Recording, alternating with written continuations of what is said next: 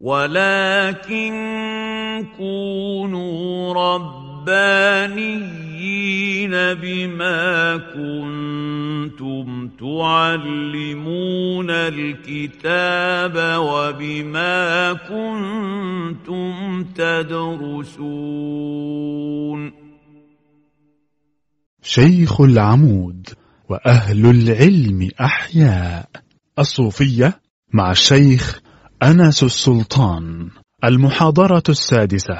وقد انعقدت هذه المحاضرة يوم الأربعاء بتاريخ الثاني من مايو عام 2018 من الميلاد الموافق السادس عشر من شعبان من عام 1439 من الهجرة.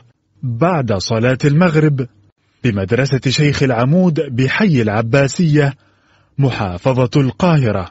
بسم الله الرحمن الرحيم. الحمد لله رب العالمين والصلاة والسلام على سيدنا رسول الله محمد الصادق الوعد الأمين وعلى آله وصحبه وسلم تسليما كثيرا طيبا مباركا فيه إلى يوم الدين. اللهم لا علم لنا إلا ما علمتنا فعلمنا يا رب ولا فهم لنا إلا ما فهمتنا ففهمنا يا رب. اللهم زدنا من لدنك علما. اللهم أمين. اللهم اغفر لنا ذنوبنا وإسرافنا في أمرنا وثبت على طريق الحق أقدامنا. واجعلنا يا ربنا هداة مهديين غير ضالين ولا مضلين. برحمتك يا أرحم الراحمين. اللهم آمين. ثم أما بعد أهلا وسهلا بحضراتكم وحضراتكن هذا هو اللقاء السادس في إطار مدرستنا لتاريخ الصوفية وأفكارهم. ونسأل الله تعالى أن يعلمنا في هذا اللقاء ما ينفعنا وأن ينفعنا بما علمنا وأن يزيدنا من كرمه علما. اللهم آمين. إزيك؟ اسمك إيه؟ إزيك يا نزار؟ جاي مع مين؟ أهلا وسهلا. أهلا وسهلا. نورتنا. في سنة كام؟ خمسة. إعدادي؟ خمسة ثانوي؟ خمسة كلية؟ خمسة دكتوراه؟ خمسة ماجستير؟ أمال خمسة إيه؟ خمسة لوحدها بس كده من غير ما تبقى خمسة حاجة؟ إيه؟ تحيرنا واحترنا. آه. خمسة إيه؟ خمسة عادي؟ خمسة دي اللي هي المرحلة ال- ال- الابتدائي آه افتكرت. أيوه أنا فاكر ابتدائي دي. كنا زمان في الابتدائي امم كويس. توفيق. سهلة سنة خمسة ولا صعب؟ سهلة؟ طب الحمد لله. أهلا بيك. أنا اسمي أنس وأنت اسمك نزار. يا ريت نبقى اصحاب بقى بعد كده. ماشي؟ شرف ليا طيب صلوا على النبي. صلى الله عليه وعلى آله. تكلمنا في اللقاءات آه، السابقة في مجموعة أفكار متنوعة. تكلمنا عن الفقه والتصوف عن علاقة الظاهر بالباطن تكلمنا عن المكتبة الصوفية تكلمنا عن علاقة التصوف بتربية المجتمع وضبط أحوال المجتمع وتكلمنا عن الطرق الصوفية اللي هي المدارس التربوية وظهورها في آه، القرن ال- ما بين الخامس والسادس والسابع. ما بعد ذلك من مراحل التصوف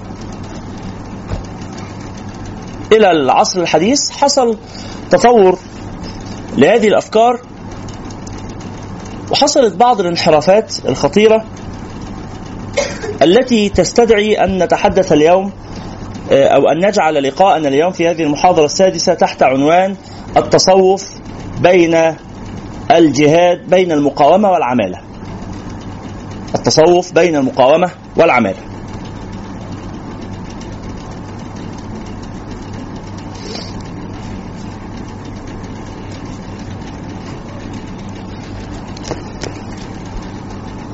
يا أستاذ. لا لا عمالة عمالة. العماله لأنه آه، ال- المتهم بذلك يكون عميلا. عاملا لأجل مصلحة آخرين يعني. الصوفيه بين المقاومة والعمالة هذا عنوان خطير. نحن عرفنا ربما في اللقاء الأول أو الثاني أن التصوف له تعريفات كثيرة. ولكن قالوا إنه من هذه التعريفات من أصول الكلمة أنهم أهل الصف الأول في الجهاد وأهل الصف الأول في الصلاة وأن التصوف بمعناه الاصطلاحي تعددت تعريفاته ولكن مرجع كلها إلى معنى واحد شعار الصوفية ما هو من كتاب الله؟ قلنا هذا. ما شعار الصوفية آية من كتاب الله جعلها الصوفية شعارا لهم؟ لم نفعل هذا؟ طيب. طيب معاكم المصاحف فيها برنامج المصحف؟ آه معاكم بتاع ده الموبايلات فيها برنامج المصحف؟ لا ليست هذه. في آية هي شعار الصوفية. في آية هي شعار الصوفية. شوفوا كده في مصاحفكم.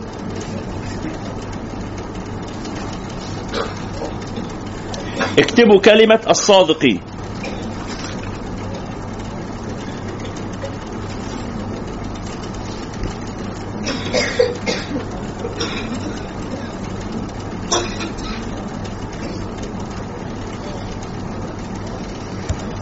اكتبوا كلمة الصادقين في برنامج البحث وشوفوا هتطلع كام نتيجة. كام نتيجة طلعت؟ الصادقين.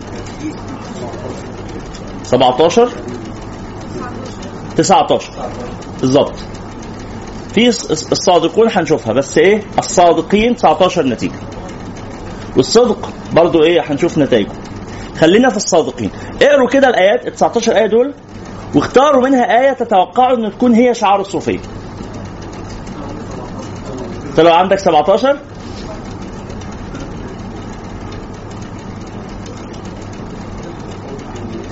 لا إزاي؟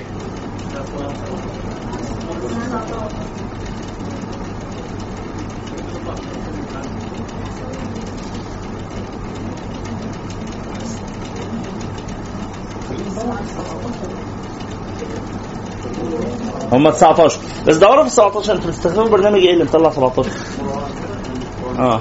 لا بأس يلا دوروا في ال- النتائج اللي طلعت لكم على آية تصلح شعار للصوفية. سركم بس كده. حددوا اختياركم على آية وبعدين نشوف واقع اختياركم على آية. اللي مش معاه يعني برنامج ينظر في هاتف أخيه تنظر في هاتف أختها كل واحد بس يحتفظ باختياره بسره وبعدين هنشوف مع بعض.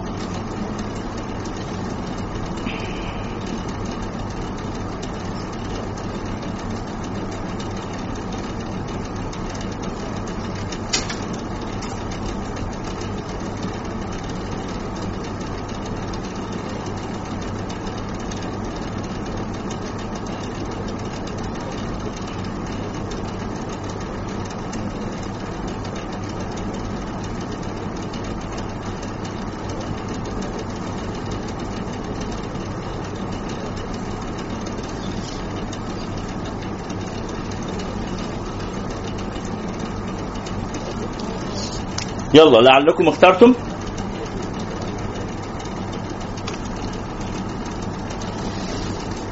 نبدأ. نزار اخترت آية؟ مش عارف. هشام. مش عارف. ليه يا جماعة. طب بسرعة هنرجع لك. أستاذنا. التوبة. آية 119 أستاذنا. لم تختر. آه طيب. آه، اقترب من أخيك. قرب عشان تبصوا مع بعض. أستاذنا. لم تجد؟ طب سريعا. سورة التوبة برضو. المائدة. المائدة. آية 119 قال الله هذا يوم ينفع الصادقين صدقهم. لهم جنات تجري من تحتها الأنهار خالدين فيها أبدا رضي الله عنهم ورضوا عنه ذلك الفوز العظيم. جزاك الله خير. أستاذنا؟ أنا بس هفتكر الاسم. أخويا؟ أستاذ محمد؟ وأخويا؟ أستاذ عاصم؟ وأخويا؟ أستاذ مصطفى. اتفضل الأحزاب. آية 8 يقول الله سبحانه وتعالى ليسأل الصادقين عن صدقهم وأعد للكافرين عذابا أليما. جاي 119 التوبة. يا أيها الذين آمنوا اتقوا الله وكونوا مع الصادقين. كويس. أستاذة.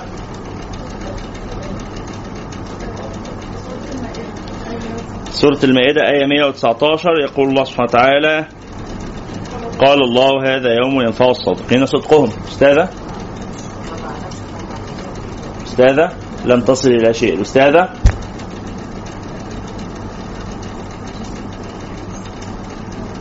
معقول يا جماعة؟ يعني ما كلكم ما طلعتوش؟ هي آل عمران آل عمران آية 17 الصابرين والصادقين والقانتين والمنفقين والمستغفرين بالأسحار.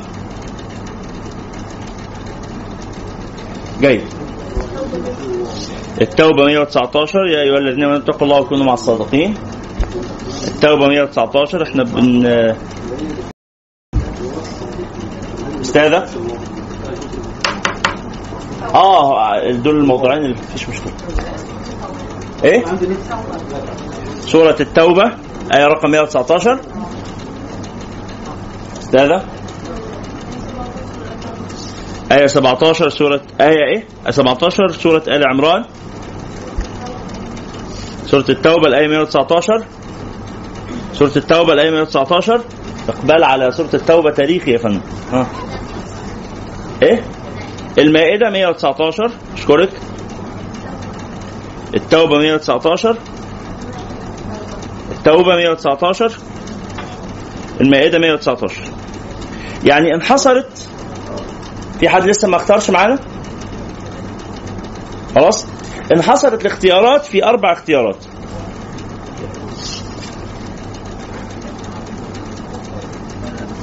تسع أشخاص.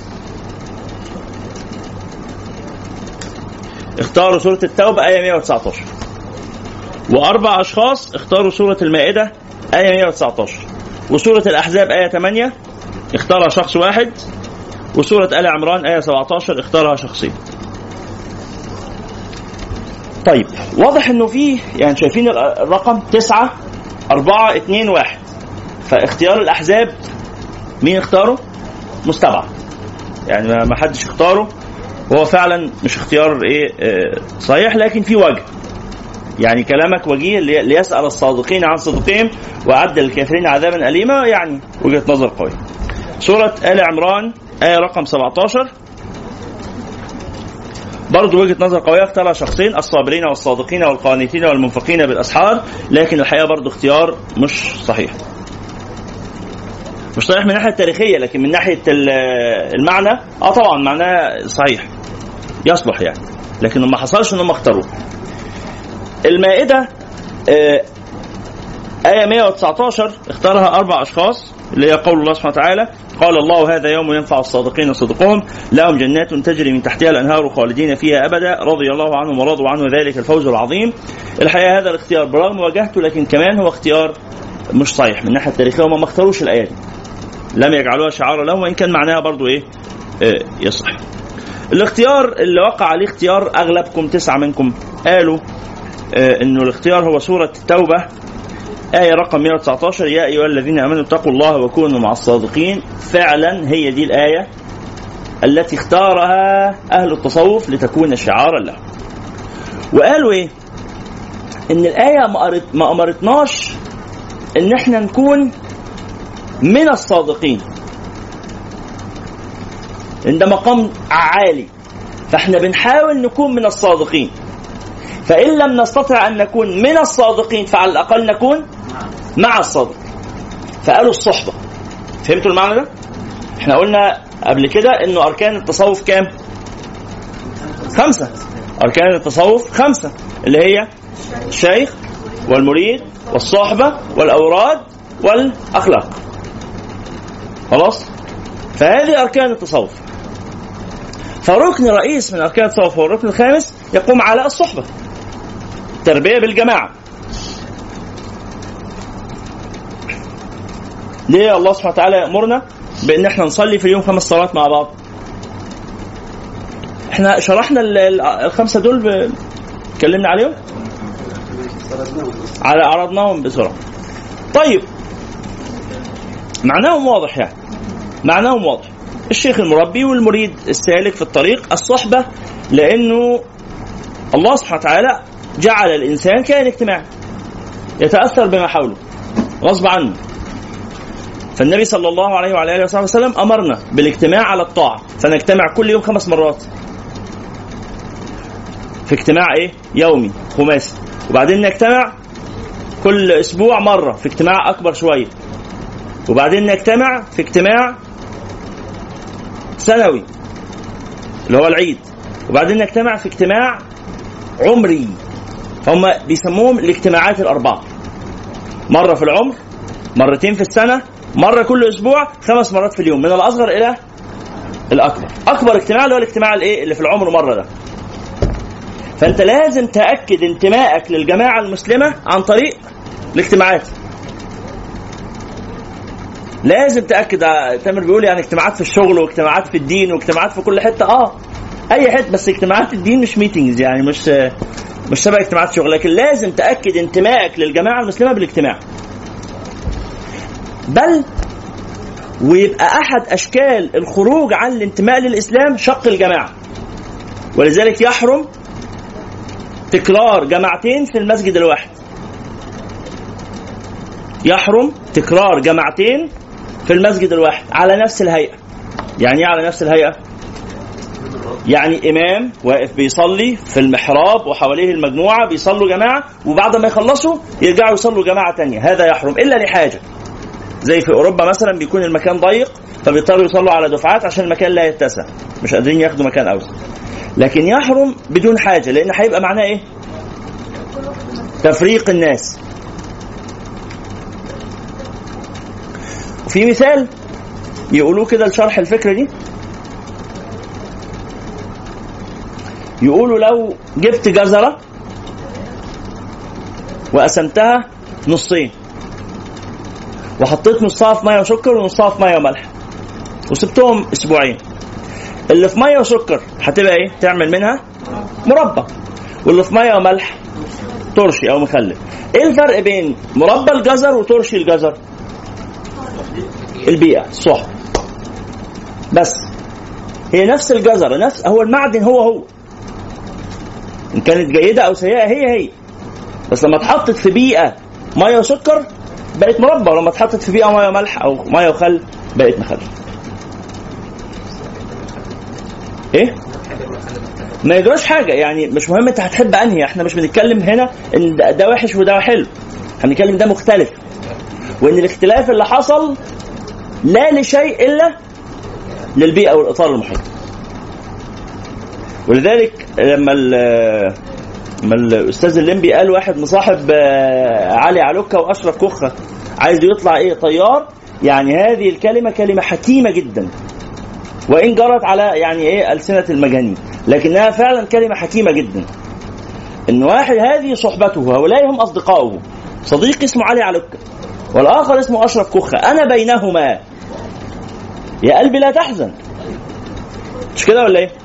يعني من غير المتصور ومن غير اللائق ومن غير المنطقي أن تطالبني عندما يكون هؤلاء هم أصدقائي أن تتوقع أصلا إن أنا طيار ما تتوقعش ده. ممكن طيار دليفري أيوه. أنا يعني رأيت في مرة إعلان في الجرنان عن طيارين فأنا قلت هل وصل المستوى يعني لدرجة إن الشركات يعني عمالة بتنزل إعلانات في الجرايد كده. عايزين طيارين وكانوا كاتبين مرتب ساعتها كان في 2000 و يمكن 2010 فكان مرتب 1500 جنيه. فأنا قلت ال- طيار طيار بياخد 1500 جنيه هذا مبلغ صغير جدا وأنا دايما أتصور إن الطيارين دول مرتباتهم ضخمة. فاكتشفت إن مرتباتهم 1500 جنيه فعجبت يعني وقلت لحد على فكرة ده مرتباتهم ضعيفة جدا. فقال لي قال لي إزاي الكلام ده؟ قلت له هو والله اعلان 1500 قال لي لا ده دول طيارين الدليفري بتاع ال- الموتوسيكل. طب ليه اسمه طيار؟ لأنه بيطير يعني بقى- بقى سريع جدا. على كل حال. يا أيها حاضر معلش. يا أيها الذين آمنوا اتقوا الله وكونوا مع الصادقين. إشارة إلى أهمية الصحبة. المجموعة اللي انت في وسطهم بطبيعة الحال حتى حتى لو ما كنتش يعني عايز تعمل الصالحات لكن انت هتلاقي نفسك إيه؟ محرج. يعني الناس كلها قايمة تصلي. وانت قاعد. بالتالي يعني مرة في الثانية مش هتحب ان انت يبقى شكلك خارج عن المجموعة. بطبيعة الحال الإنسان بيحب ان هو يبقى مندمج مع الاطار أنا عرضت لكم يمكن هنا الفيديو بتاع مش هنا. في المنطق. في المنطق وفي وفي الأمثال الشعبية. فيديو مهم الحقيقة. بس لولا إنه في ناس حاضرين معانا شافوه قبل كده فأنا مش عايز أزهقهم إن هم يشوفوه مرة ثانية إيه؟ مين مين شاف الفيديو ده؟ فيديو الفتاوى الصافرة. مين شافه؟ من رأى هذا الفيديو؟ واحد اثنين ثلاثة. مين ما شافوش؟ كل الناس. خلاص. ثلاثة احكوا لهم بقى.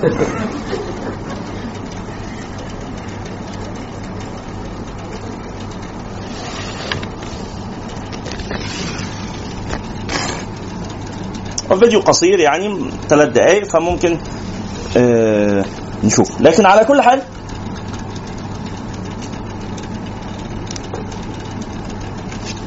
هذه الفكرة مهمة.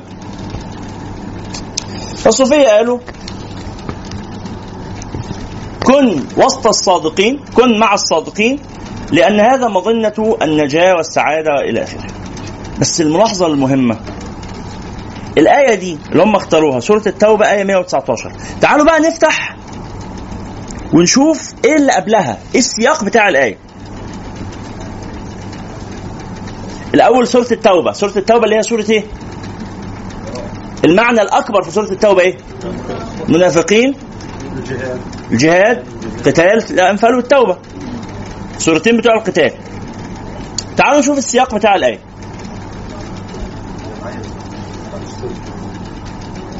يقول الله تعالى وعلى الثلاثة الذين خلفوا تعالوا نقرأ اللي قبلها لقد تاب الله على أنتوا شايفين كلكم معايا؟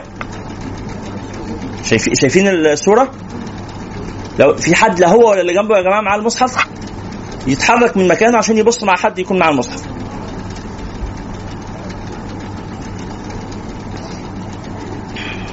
لقد تاب الله على النبي والمهاجرين والأنصار الذين اتبعوه في ساعة العسرة من بعد ما كاد يزيغ قلوب فريق منهم.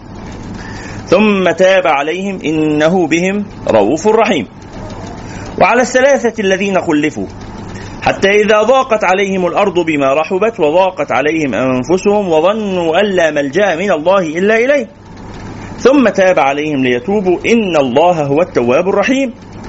يا أيها الذين آمنوا اتقوا الله وكونوا مع الصادقين. ما كان لأهل المدينة ومن حولهم من الأعراب أن يتخلفوا عن رسول الله. ولا يرغبوا بأنفسهم عن نفسه. ذلك بأنهم لا يصيبهم ظمأ ولا نصب ولا مخمصة في سبيل الله ولا يطؤون موطئا يغيظ الكفار ولا ينالون من عدو نيلا إلا كتب لهم به عمل صالح. إن الله لا يضيع أجر المحسنين. ولا ينفقون نفقة صغيرة ولا كبيرة ولا يقطعون واديا إلا كتب لهم ليجزيهم الله أحسن ما كانوا يعملون. وما كان المؤمنون لينفروا كافة فلولا نفر يعني للقتال فلولا نفر من كل فرقة منهم طائفة. وفرقة تبقى بقى اللي يبقوا دول ليتفقهوا في الدين ولينذروا قومهم إذا رجعوا إليهم لعلهم يحذرون. يا أيها الذين آمنوا قاتلوا الذين يلونكم من الكفار وليجدوا فيكم غلظة. واعلموا أن الله مع المتقين. وإذا ما أنزلت سورة فمنهم من يقول أيكم زادته هذه إيمانا. فأما الذين آمنوا فزادتهم إيمانا وهم يستبشرون. وأما الذين في قلوبهم مرض فزادتهم رجسا إلى رجسهم وماتوا وهم كافرون. إلى آخر الآيات إيه الملاحظ في سياق الآيات كلها الآيات دي كلها بتتكلم عن إيه القتال قتال الآيات بتتكلم عن القتال يبقى ما معنى الصدق؟ كونوا مع اتقوا الله وكونوا مع الصادقين، إيه هو الصدق؟ الذي يأمر الله تعالى المؤمنين أن ي... من هم الصادقون؟ الذين يأمر الله تعالى المؤمنين أن يكونوا معهم المجاهدين. طب تعالوا نختبر فهمنا ده من بقية الآيات اللي فيها كلمة الصادقين. تعالوا ننظر في البحث اللي أنتوا عملتوه دلوقتي. على باقي الآيات اللي فيها كلمة الصادقين، أول آية سورة آل عمران.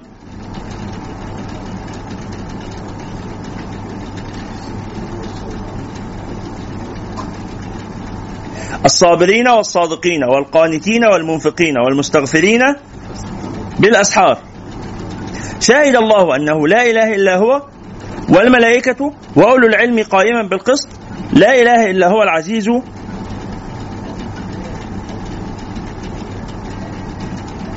الحكيم. لا معلش. تعالوا نقرأ تعالوا نقرأ اللي قبلها زي ما عملنا المرة اللي فاتت. تعالوا نقرأ اللي قبلها من آية 14 زين للناس حب الشهوات. من النساء والبنين والقناطير المقنطرة من الذهب والفضة والخيل المسلمة والأنعام والحرث ذلك متاع الحياة الدنيا. والله عنده حسن المآب قل ونبئكم بخير من ذلكم. الذين اتقوا عند ربهم جنات تجري من تحتها الأنهار خالدين فيها وأزواج مطهرة ورضوان من الله. والله بصير بالعباد الذين يقولون ربنا إننا آمنا فاغفر لنا ذنوبنا وقنا عذاب النار. الصابرين والصادقين. والمنفق والقانتين والمنفقين والمستغفرين بالأسحار شهد الله أنه لا إله إلا هو. والملائكة واولو العلم قائما بالقسط لا إله إلا هو العزيز الحكيم. إن الدين عند الله الإسلام. وما اختلف الذين أوتوا الكتاب إلا من بعد ما جاءهم العلم بغيا بينهم ويكفر بآيات الله فإن الله سريع الحساب. فإن حاجوك فقل أسلمت وجهي لله ومن اتبعني. وقل الذين أوتوا الكتاب والأميين أسلمتم؟ فإن أسلموا فقد اهتدوا. وإن تولوا فانما عليك البلاغ والله بصير بالعباد. إن الذين يكفرون بآيات الله ويقتلون النبيين بغير حق.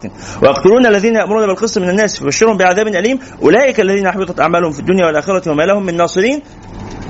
ثم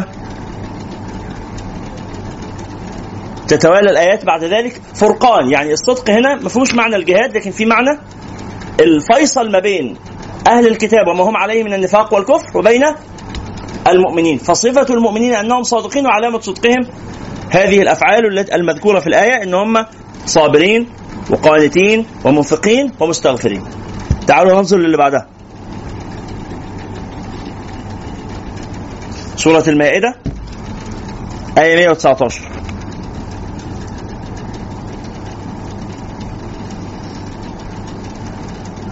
قبلها بآيتين ما قلت لهم كلام سيدنا عيسى ما قلت لهم إلا ما أمرتني به أن اعبدوا الله ربي وربكم وكنت عليهم شهيدا ما دمت فيهم فلما توفيتني كنت أنت الرقيب عليهم وأنت على كل شيء شهيد إن تعذبهم فإنهم عبادك.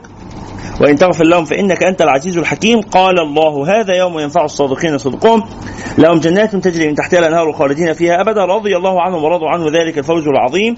لله ملك السماوات والأرض وما فيهن وهو على كل شيء قدير. هنا نفس المعنى بتاع الايه الفرقان والفيصل بين أهل الإيمان وأهل الكفر. الذين استجابوا للمعجزة التي جاء بها سيدنا عيسى والذين لم يستجيبوا. تعالوا ننظر لما بعده. فاتنا بما تعدون أن كنتم من الصادقين. لا مش هي يعني ما فيهاش المعنى اللي إحنا عاوزينه.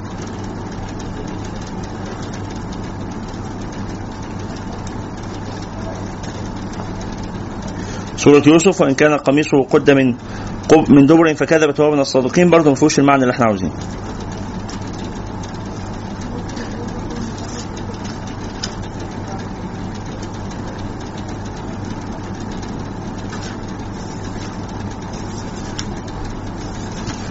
ليسأل الصادقين عن صدقهم.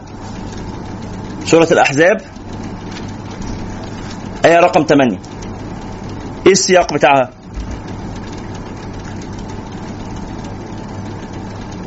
وإذا أخذنا فتحت الآية وإذا أخذنا من النبيين ميثاقهم ومنك ومن نوح وإبراهيم وموسى وعيسى بن مريم وأخذنا منهم ميثاقا غليظا ليسأل الصادقين عن صدقهم الله أكبر. الله أكبر. وأعد للكافرين عذابا اليما. يا أيها الذين آمنوا اذكروا نعمة الله عليكم إذ جاءتكم جنود فأرسلنا عليهم ريحا وجنودا لم تروها وكان الله بما تعملون بصيرا. إذ جاءوكم من فوقكم ومن أسفل منكم.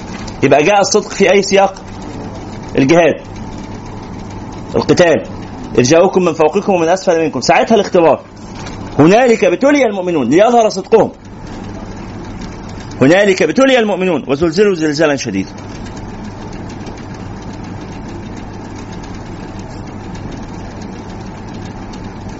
تعالوا نشوف اللي بعدها.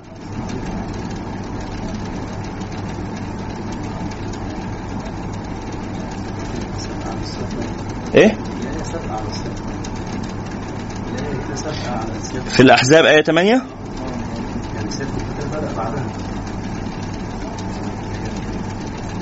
ما هو ليسأل الصادقين مقدمة للكلام عن اللي جاي ده هو سؤال الصادقين. الآية هنا في في مقدمة الكلام عن القتال. أن هذه الأحداث ولذلك سيأتي بقى في نفس السورة آية 4 آية 24 رد على الآية رقم 8 بصوا آية 24 ليجزي الله الصادقين. ده الختام. يعني بدأ بالكلام عن الصدق وبعدين دخل الكلام عن القتال وختم القتال بالكلام عن الصدق مرة أخرى.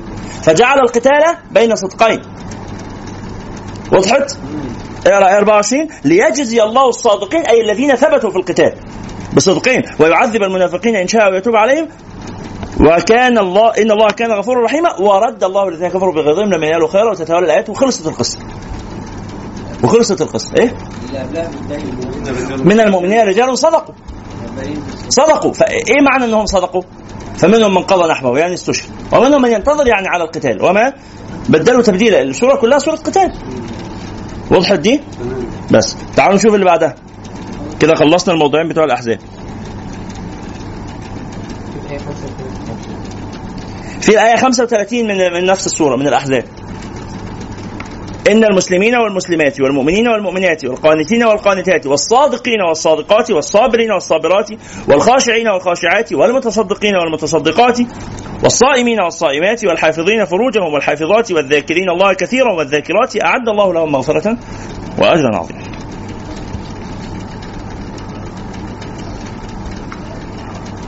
كل هذه المواضع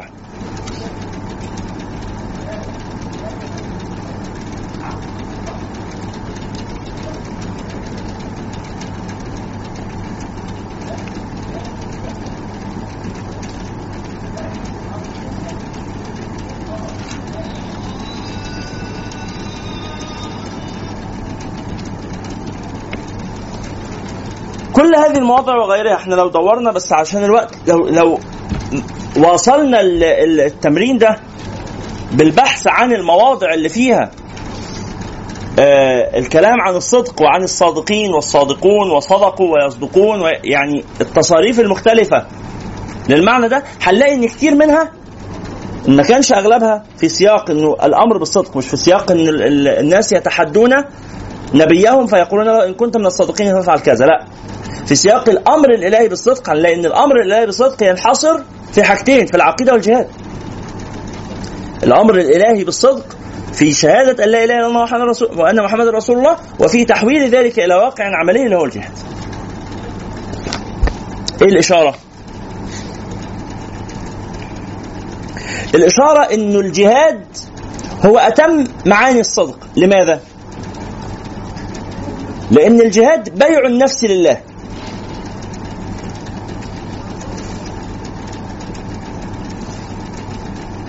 فالذي يقدم على الجهاد لأجل هذه الفكرة لأجل الله هو مؤمن بالله إيمانا شديدا لدرجة ان هو موقن أنه إن قدم عمره وإن قدم روحه رخيصة في سبيل الله فهو مجازا على ذلك. فهو مجزي على ذلك. فإيمانه بالله سبحانه وتعالى إيمان عظيم. وعلامة عظمة إيمانه جهاده في سبيل الله. ولذلك فعندما يعني سألت واحدا من المشايخ مشايخي فقلت له يعني من أفضل الصوفية في زماننا هذا؟ قال إذا أردت أن تنظر إلى التصوف في هذا الزمان فانظر إلى أهل الجهاد. أهل الجهاد هؤلاء هم الذين يظهر فيهم معنى التصوف. لماذا؟ الشيخ عبد الله عزام رحمه الله كان يقول كلمة عجيبة جدا. كان يقول لطلابه في الجبهة في أفغانستان وهم يقاتلون الريس آه، الروس الشيوعيين. كان يقول لهم أنا لا أريد أن أدرس لكم العقيدة التي تجعلكم تعرفون شروط لا إله إلا الله ونواقض التوحيد. أنا لا أريد أن أدرسكم العقيدة التي تجعلكم تعرفون شروط لا إله إلا الله ونواقض التوحيد. ليه؟ لأن دي عقيدة نظرية ممكن تدرسوها في أي حتة ولكني أريد أن أدرسكم العقيدة التي تجعلكم تعلمون أن مباحث السوفييت على بابكم الآن ثم لا يهتز لكم جفن ولا ثم لا يهتز لكم جفن ولا يضطرب لكم قلب كيف يستطيع الإنسان أن يفعل هذا؟ لما أتخيل أن مباحث السوفييت جايين يقبضوا علي وأنا من المجاهدين. أنتم مستوعبين خطورة الموقف يا أخوان؟ يعني حاسين بالفكرة دي؟ أنا مجاهد بقاتل أعدائي بقاتل ال- الروس. لو عرفت إن هم المباحث بتاعتهم عرفوا مكاني وجايين يقبضوا عليا. قلبي هيحصل له إيه؟ بطبيعة الحال هيضطرب هيرتجف هخاف. العقيدة الحقيقية اللي هو التصوف تجعلني إيه؟ مطمئن البال ما يفعل عدوي بي. كلمة ابن تيمية رحمه الله. ما يفعل عدوي بي. إن يسجني فسجني خلوة. سجني خلوة. وإن ينفني فنفي سياحة. هيخرجني بره البلد. يعني آه، كتر خير مش عارف ليه لغوا العقوبة دي. عقوبة صعبة جدا. عقوبة صعبة جدا. بل تكاد تكون أصعب من السجن. أنا أعتقد أنها أصعب من السجن. أعتقد أن النفي أصعب من السجن.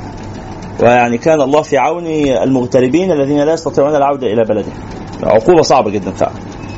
لكن على كل حال إن يسجني فسجني خلوة وإن ينفني فنفي سياحة وإن يقتلني فقتلي شهادة. هيعمل إيه؟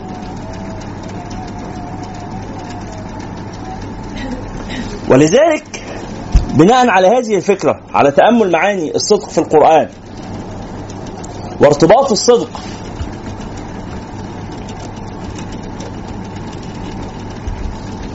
وارتباط الصدق بال- بالجهاد في سبيل الله رأينا كثير من المجاهدين من أهل التصوف. ورأينا الصوفية يقيمون على الثغور. ليكونوا في استقبال ال- ال- إيه أعداء الإسلام إذا جاءوا. واستمر الحال على ذلك هذا في القديم وال- والجديد. وبعدين لقينا حركة مثلا زي الحركة السنوسية في ليبيا. تنتج الجهاد ضد الإيطاليين. ومن أعلام هذه المدرسة عمر المختار رحمه الله كان صوفيا سنوسيا. وقصة هذا الرجل قصة عجيبة. إنه هذا الرجل بدأ رحلته الجهادية وهو فوق الخمسين. مش كده؟ كان مدرس قرآن معلم قرآن في في بلده. ثم لما جاء الاحتلال الإيطالي قال جمع الناس اللي هو كان يعلمهم القرآن هؤلاء تلاميذه الذين كبروا وأصبحوا شباب جمعهم وقادهم قاد بهم الجهاد في سبيل الله سبحانه وتعالى. كان يكر ويفر وي- ويقفز فوق الجبال ويعني يجري بحصانه. قد جاوز الخمسين واستمر في ذلك إلى أن مات ربما سنه كم لما مات رحمه الله. أظن آه أظ- أظن 76 سنة. أظن كده. فهذا الم- المشهد هذا الرجل الذي يعني كلماته لا تزال إلى يومنا هذا تقال كشعارات في الثبات على المبدأ والثبات على الحق. هذا أحد الصوفية وغيره كثير. فنموذج الصوفي المجاهد نموذج متكرر. لكن على الناحية الأخرى وجدنا صوفي عميل. إيه هو بقى الصوفي العميل؟ وده برضه كان له نماذج كثيره عبر التاريخ. الصوفي العميل اللي هو الصوفي الذي فرغ الإسلام من جزء أصيل من مضمونه وهو الجهاد. فجعل التصوف طاقة حب. طيب ما هو الحب ده حاجة عظيمة بس معاها المفروض يبقى فيه كره. النبي صلى الله عليه وسلم قال ثلاث من كن فيه وجد بهن حلاوة الإيمان. أن يكون الله ورسوله أحب إليه مما سواهما حب.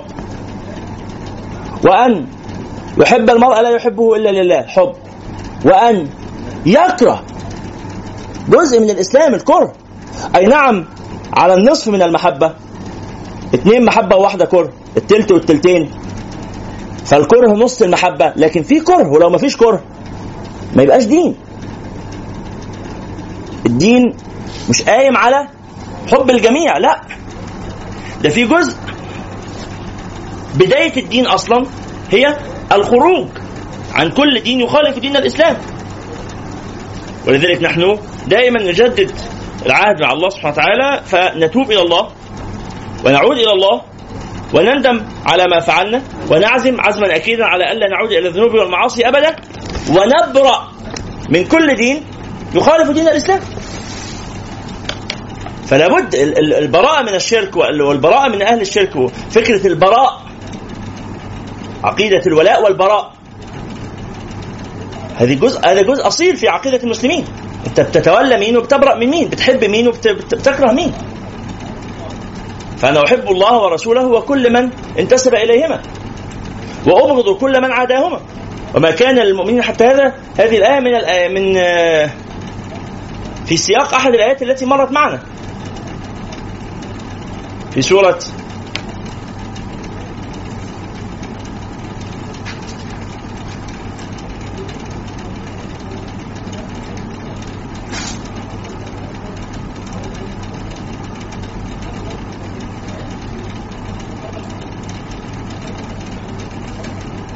التوبة. إحنا كنا بنقرأ سورة التوبة آية آية 119 في نفس السورة قبلها على طول آية 113 في سورة التوبة ما كان للنبي والذين آمنوا معه أن يستغفروا للمشركين ولو كانوا أولي قربى من بعد ما تبين لهم أنهم أصحاب الجحيم. سورة التوبة آية 113 يبقى في نفس السورة اللي هي يا أيها الذين آمنوا اتقوا الله وكونوا مع الصادقين من علامة الصدق إيه؟ أنتوا أنتوا معايا يا اخوانا؟ من علامة الصدق البراءة من أهل الشرك ولذلك نجد ابن سيدنا أبو بكر عبد الرحمن بن أبي بكر مش كده؟ إيه؟ لما في في في غزوة بدر في غزوة بدر وكان سيدنا كان سيدنا عبد الرحمن بن أبي بكر ساعتها لم يسلم بعد. وكان في ناحية قريش في جيش في قريش. ولقي أباه أبا بكر. فكان يتحاشاه. عشان ما إيه؟ ما يجيش ما بينهم مواجهه وكان يهرب منه. لغاية لما أسلم بعدين. أسلم بعد أظن في عام الفتح. وقال لأبيه يا أبتي لقد رأيتك يوم بدر. فكنت أتحاشى النظر في وجهك. يعني كنت بهرب منك. خلاص؟ خشية أن يكون بيننا مواجهة. فسيدنا أبو بكر قال له إيه؟ قال أما إني لو لقيتك يومها لقتلتك. دلوقتي أنا عايز أفهم أنهي أعظم حبا للآخر الأب لابنه ولا الابن لأبوه؟ الأب لابنه ده حب فطري. فقتل الأب لأبيه أصعب ولا قتل الابن لأبو... الابن لأبوه أصعب ولا قتل الأب لابنه؟ أيهما أصعب؟ الأب لابنه. ومع ذلك نلاقي الابن وإن كان قتل الابن لأبوه صعب برضه صعب. لكن لا يقارن بقتل الأب لابنه. فالابن يقول لأبوه أنا كنت بهرب منك عشان ما أقتلكش. فالأب يقول له بس أنا لو كنت شفت أو ده إيه؟ بيقول له بعد ما أسلم. بيقول له الحق أو الحق حق. أنا لو كنت اما إني لو لقيتك يوما لقتلتك الموقف ده من سيدنا أبو بكر موقف صوفي ولا جهادي؟ صوفي ولا جهادي؟ ما أنا عندي حاجة اسمها صوفي وحاجة اسمها جهادي. صوفي اللي هو الموالد والذكر والإيه والفتة والهيصة والجهادي يعني داعش والتشدد والإرهاب. صح؟ ضلال ضلال ضلال في ضلال. لما مفهوم الجهاد اللي هو المفهوم الإسلامي الجليل مفهوم عظيم جدا. والله سبحانه وتعالى أمرنا به وجعل يعني أمرنا أن نكون من أهله ونحن مطالبون به. ينحصر مفهوم الجهاد لما أقول لك ده جهادي على طول يبقى إيه؟ داعش. يبقى إرهابي ويبقى متشدد ويبقى متزمت ويبقى من خوارج العصر. مش هو ده الجهاد يا اخوانا ليس هذا هو الجهاد في سبيل الله. مش معنى ان هذا الإنسان يطلب. أنا لو قلت لو خرجت النهارده كده في التلفزيون قلت أنا أريد الجهاد في سبيل الله. حبا إيه؟ على طول داعش وارهابي ومتخلف رغم إني ما زدت على ما جاء في كتاب الله وسنة نبيه صلى الله عليه وسلم. فهذا الموقف من سيدنا أبو بكر موقف يدل على تمام الصدق. بالمناسبة يعني أنتم تعرفون إن الصوفية لما بينتسبوا لحد في الصحابة أهم حد ينتسب ليه في الصحابة هو سيدنا أبو بكر. سيدنا أبو بكر وسيدنا علي. سيدنا أبو بكر الأول. فالصوفية بينتسبوا لسيدنا أبو بكر. اشمعنى بيحبوا ينسبوا نفسهم ليه لسيدنا أبو بكر؟ إيه؟ عشان مقام الصديقية. عشان هو ده صديق الأمة. وهؤلاء قوم يطلبون الصدق. مش إحنا قلنا في تعريف التصوف. قال الإمام القشيري رحمه الله وقد حد التصوف بوجوه تبلغ نحو الألفين هل تذكرون هذا؟ قلنا هذا في الرسالة القشيرية. خلاص هنا ربما في اللقاء الثاني في المحاضرة الثانية. قال وقد حد التصوف بوجوه تبلغ نحو الألفين ألفين تعريف. مرجع كلها إلى صدق التوجه إلى الله تعالى. أنا متأكد إحنا قلنا التعريف ده. الجملة دي كده من الرسالة القشيرية قلناها في المحاضرة الثانية.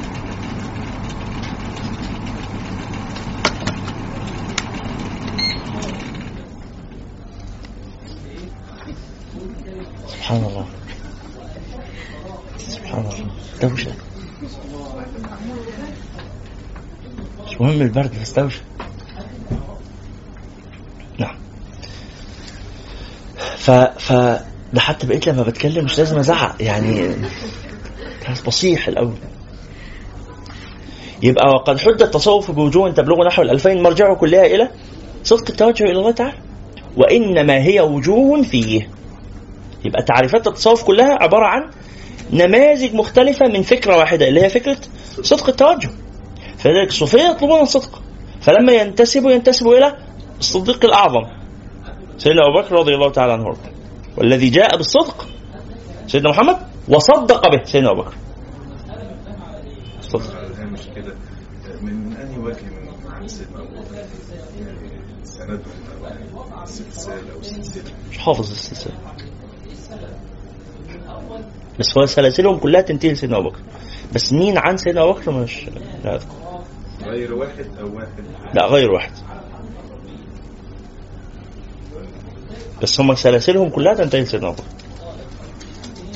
اتفضل. كان عند حضرتك سؤال. أركان التصوف. أركان التصوف خمسة. أركان التصوف خمسة وهي الشيخ والمريد والصحبة والأوراد والأخلاق.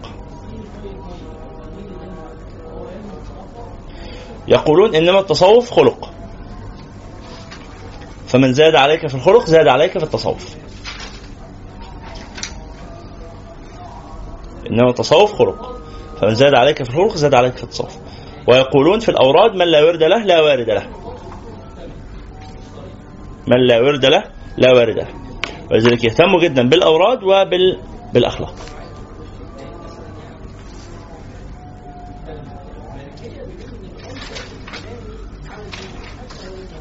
نخبط حاجة بسيطة كده.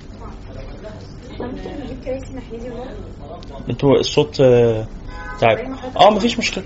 ر- يعني اللي عايز يروح يجيب كراسي يروح يجيب كراسي. يا عم الشيخ مصطفى. علي صوتك شوية عشان مش سامعين. علي صوتك شوية مش سامعين. عايزين نتابع معاك. راعينا الله يخليك.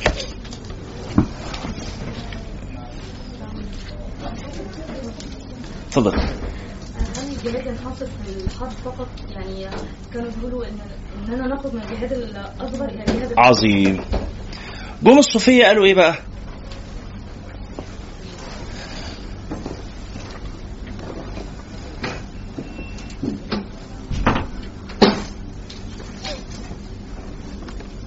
جم بعض الصوفية قالوا المعنى بتاع الجهاد ده من الجهاد اللي هو القتال بالسيف والح... وفي ساحة الحرب ده ده الجهاد الأصغر. لكن في جهاد أكبر اللي هو جهاد النفس اللي هو اللي إحنا بنعمله. فإحنا المجاهدين. فالكلام ده كلام ظاهره فيه الرحمة وباطنه من قبله العذاب. ده تدليس. تدليس بل وكذب وبهتان. ليه؟ أولا هذا الحديث لا يصح. إنه رجعنا من الجهاد الأصغر إلى الجهاد الأكبر هذا الحديث لا يصح عن رسول الله صلى الله عليه وسلم. طب معناه وحش؟ لا معناه كويس. معناه صحيح. بس الأصغر والأكبر هنا من حيث المدة. إن إحنا بن- بنبقى في القتال نبقى في القتال في الحرب شهرين ونرجع عشر شهور في بيوتنا فده الجهاد الأكبر اللي بياخد وقت أطول. ده اللي يحتاج صبر أطول. لكن آيات الجهاد التي جاءت في القرآن و- وأحاديث النبي صلى الله عليه وسلم في الجهاد بتتكلم عن جهاد النفس وترك المعاصي؟ لا. ده من اللعب بالشريعة. آيات الجهاد التي جاءت في كتاب الله وفي- و- وأحاديث النبي صلى الله عليه وسلم كلها في الجهاد بالسيف.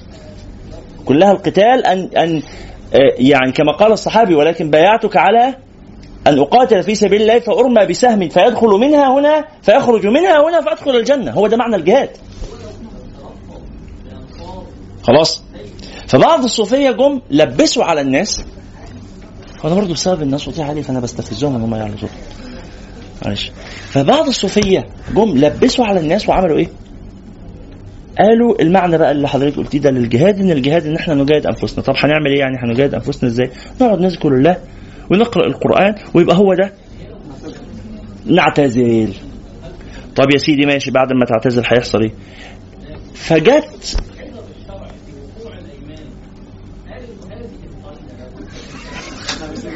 طب الشيخ مثلا عندي مصطفى يغير مكان يعني هو الناحيه الثانية من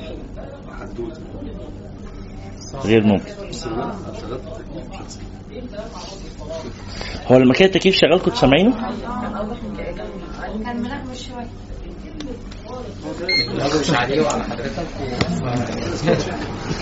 مش حاجة. أي حاجة كده فيها الحلو والوحش. الشاهد يا أخوان. طب يا سيدي يا حضرة المعتزل انت اللي قاعد تزكي نفسك في الايه؟ في المكان المقفول. لما جم أعداء الإسلام جم الصليبيين عملوا إيه الصوفية؟ كتير آه، آه، آه، بعضهم مش مش كلهم بعضهم عملوا إيه؟ قال لك ملناش دعوة. خناقة مش خناقتنا. ده كان موقف الأقل مش موقف الاكثر لأن إحنا كنا لسه في القرن السادس والسابع والموضوع لسه إيه؟ على نظيف فأقل القليل منهم بدأوا يقولوا إيه؟ والله الصراع بتاع ال- المماليك والصليبيين صراع لا يخصنا اللهم أهلك الظالمين بالظالمين وأخرجنا من بينهم سالمين. دعاء غريب ليس من أدعية النبي صلى الله عليه وسلم. لا لم يرد لا في القرآن ولا في السنة ومعناه غريب. أهلك الظالمين بالظالمين أنا هبقى في دريم بارك الصراحة أنا هبقى مشغول في الوقت ده. يا ظالمين لما تخلصوا على الظالمين بس ادوني إيه قالوا عشان أجي اخد الأرض على نظافة. بالظبط بعض أهو فالمهم فبدأ يظهر عندنا يا إخواننا في القرن السابع السادس والسابع بدأ يظهر بوادر خفيفة من فكرة إيه؟ إن والله القتال والجهاد والحاجات دي مش بتاعتنا. جم التتار قالوا والله ده يعني قضاء الله ولا راد لقضاء الله. فبقى الكلام شكله زي ما يكون دين بس هو في الحقيقة إفك وتدليس. زي ما يكون دين إن والله التتار دول قضاء الله صح. فإيه بقى؟ فلازم نستسلم لقضاء الله مش أنت بتؤمن بالقدر خيره وشره؟ آه ودول قضاء الشر. نستسلم. لأن مقاومتهم معناها اعتراض على قضاء الله. وإحنا ناس صوفيه عندنا معنى التسليم. فإحنا مسلمين الامر لله داعي الملك للمالك فقلبت بعد شوية رهبانية نصرانية دع ما لقيصر لقيصر وما لله لله دع ما لقيصر لقيصر. المسلمين ما عندهمش قيصر. المسلمين ما عندهمش الفكرة بتاعت دع ما لقيصر دي مش موجودة. ليه؟ لأن ربنا قالها كده بوضوح. قل إن الأمر كله لله. يقولون هل لنا من الامر شيء؟ مش يقول إن الأمر كله لله. يخفون في أنفسهم ما لا يبدون. لك يقولون لو كان لنا من الأمر من شيء ما قتلنا ها هنا قل لو كنتم في بيوتكم لبرز الذين كتب عليهم القتل إلى مضاجعهم وليبتلي اللهم في صدوركم وليمحص ما في قلوبكم. ف... فبدأت تظهر زي ما بقول لحضراتكم عندنا أفكار الإيه التصوف اللي اتسمى بعدين باسم التصوف الانسحابي. التصوف الانسحابي أو التصوف الانهزامي.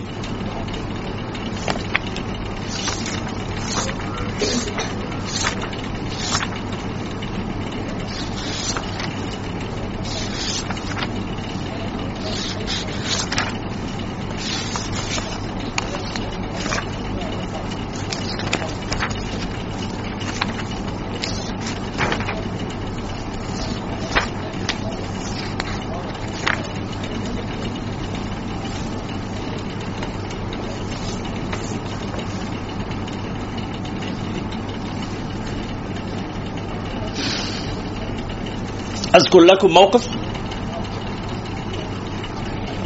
آه، أحد سلاطين المغول في الهند كان اسمه السلطان أكبر. أحد سلاطين المغول ال- الإلخانية. والإلخانية قبيلة أو ال- الإلخانية قبيلة من القبائل التتريه التي دخلت في الإسلام مؤخرا.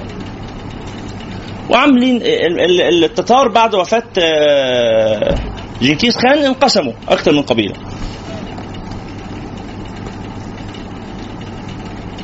فكان السلطان السلطان أكبر ده الكلام ده في القرن؟ إيه؟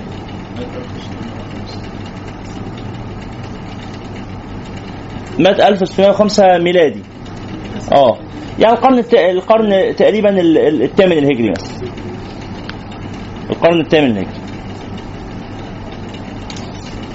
كان ادعى يعني لنفسه دينا جديدا حاول أن يجمع فيه أنتوا عارفين الهند فيها مذاهب مختلفة توصل دلوقتي لأكثر من 3500 ديانة حاليا في الهند.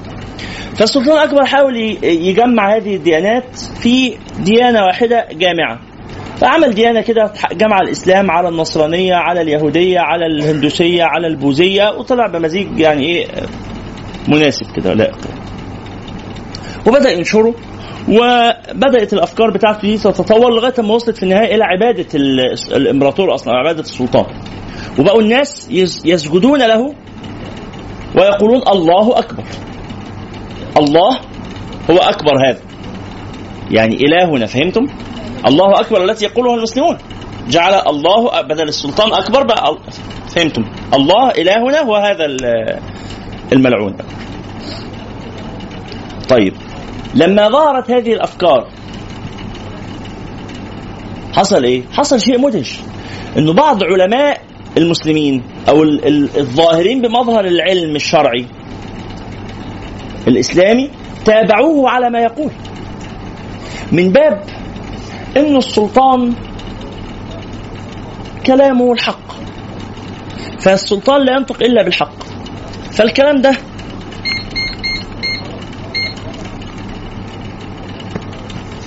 فالكلام الغريب اللي إحنا بنسمعه دلوقتي ده كلام بيقوله السلطان والسلطان ظل الله في الأرض. والخروج على السلطان ورفض كلام السلطان وما إلى ذلك يؤدي إلى فساد عظيم. فمن باب إن إحنا ما نوقعش الناس في حرج وفساد عظيم نعمل إيه؟ نرتكب أخف الضررين نكفر بربنا. يعني ما تسموش كفر يعني. هو إحنا بس مش هو برضو لسه في الآخر في معاني حلوة مش بيقول الله أكبر. ما دي كلمة حلوة.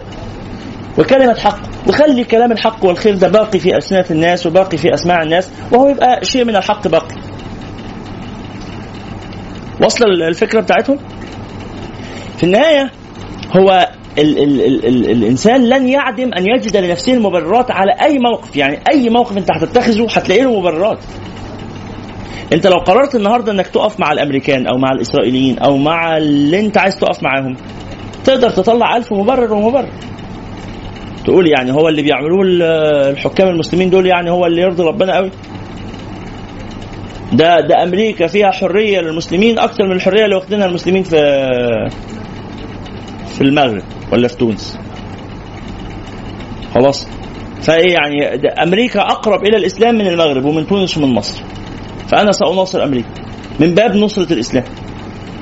حقيقية التضييقات اللي عملها ترامب مهما بلغت لن تصل إلى التضييقات الحاصلة في بعض بلاد المسلمين. أنت بلحيتك تقدر تمشي في أمريكا بمنتهى الأريحية. ما تعرفش إيه تبقى واخد راحتك دي في, في, في بلد مسلم في بعض البلاد المسلمة يعني. أهو مبرر. ويبدأ يطلع شوية مبررات تانية لغاية لما يوصل بعد شوية إلى عارفين يا جماعة اللي بيكذب الكذبة فبيصدقها لما من كتر ما بيقولها؟ هو خلاص بيقتنع إن هو ده الصح. ففي من ضمن القناعات كده إنه السلطان إذا نطق هذا لا ينطق إلا بأمر الله. وأطيعوا الله وأطيعوا الرسول واولي الامر منكم فيبقى بدل ما يعني لم ينتبه إن الله سبحانه وتعالى لم يقل وأطيعوا الله وأطيعوا الرسول وأطيعوا أولي الأمر منكم إنما جعل الطاعة بالأمر خاصة بالله ورسوله ثم جعل طاعة أولي الأمر تابعة لطاعة الله والرسول وأطيعوا الله وأطيعوا الرسول وأولي الأمر يعني طاعتهم تابعة لطاعة الله ورسوله. بدل ما يعني يزنق نفسه في القصة دي كلها قال في الآخر هو مصادر الأوامر إيه؟ ثلاثة الله الرسول السلطان. فجعل أي حاجة يقولها ربنا أو يقولها الرسول أو يقولها السلطان بنفس المستوى. هو مش بس بنفس المستوى. ده يقدم طاعة السلطان. ده يقدم طاعة السلطان. هل الفكرة دي وصلت؟ طبعا هذه الحركة من السلطان أكبر يعني واجهت آه، حركة تصحيحية. على يد أحد أعيان الصوفية أيضا. يعني تبعه تبع هذا السلطان الفاجر. بعض الصوفية وبعض العلماء المسلمين ولكن عارضه أحد يعني المعارضة الأكبر التي في النهاية أدت إلى إفشال مشروعه كانت على يد أحد أعلام التصوف وهو الشيخ أحمد السرهندي. خلاص. ف فالتصوف في نموذج المقاومة نموذج الشيخ أحمد السرهندي مع مع السلطان الأكبر. لكن أيضا في نموذج العمالة. نفس الكلام. نفس الكلام. هذا متكرر. بل بل وبعض آه،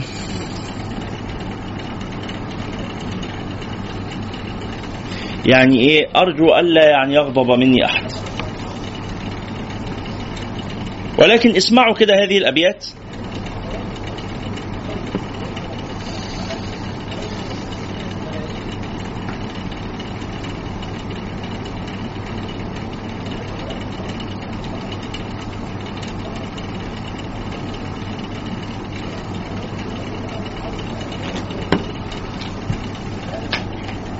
احد شعراء الصوفية قال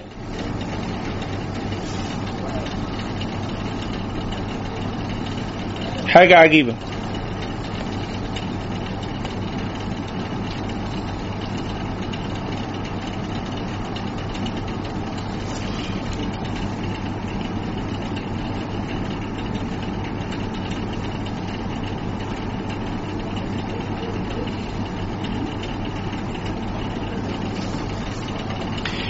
يقول لقد صار قلبي قابلا كل صورة. أبيات مشهورة. لقد صار قلبي قابلا كل صورة. فمرعا لغزلان ودير لرهبان وبيت لأوثان وكعبة طائف وأرواح وألواح توراة ومصحف قرآن. عامل مجمع أديان في قلبه. بغض النظر عن مين القائل عشان ما نكونش في حرج التهجم على الإيه؟ الأسماء الكبيرة. لكن الكلام اللي قدامنا ده كلام يعني غريب. غريب. تعالوا كده نشوف الكلام. يقول لقد صار قلبي قابلا كل صورة. يعني ما كله حلو. لقد صار قلبي قابلا كل صورة فمرعا لغزلان ودير لرهبان وبيت لأوثان وكعبة طائف وألواح توراة ومصحف قرآن. أدين بدين الحب أن توجهت ركائبه واحد صاحبنا كان بيقول أدين بدين أم الحب أن توجهت ركائبه. فوالله كل لما يجي واحد يعني في التلفزيون كان بيقول هو ده بتوع مذهب أدين بدين أم الحب. أنا آسف يعني, يعني الكلام الغريب لكن لكن هو الكلام غريب. أدين بدين الحب أن توجهت ركائبه فالحب ديني وإيماني. يعني في النهاية أنا أصبحت إيه؟ ديني أعبد الحب. أحب الجميع. أحب الجميع. طيب وبعدين؟ وبالتالي فلا مبرر. هو هو كان يعني وجهة النظر إنه أي حد بيعبد أي حاجة هو في الحقيقة بيعبد الله في صورة الحاجة دي. يعني الذين يعبدون الأصنام هم لا يعبدون الأصنام إنما يعبدون الله. فانظر إلى صدق عاطفتهم الدينية في حبهم لله وفي عبادتهم لله ولا تلتفت إلى عبادتهم للأصنام. يا سلام أيوة. هو يتقال فعلا يا سلام. ده كان المسلم اللي قال كده؟ آه. الصوفية بيقولوا عليه الشيخ الأكبر. يعني بي بيحترموه جدا. هو شيخ عظيم. وقال الكلام ده الكلام ده فلسفة. الكلام ده مش كلام مش كلام آه، فقهي. الكلام ده بيقوله في إطار الفلسفة.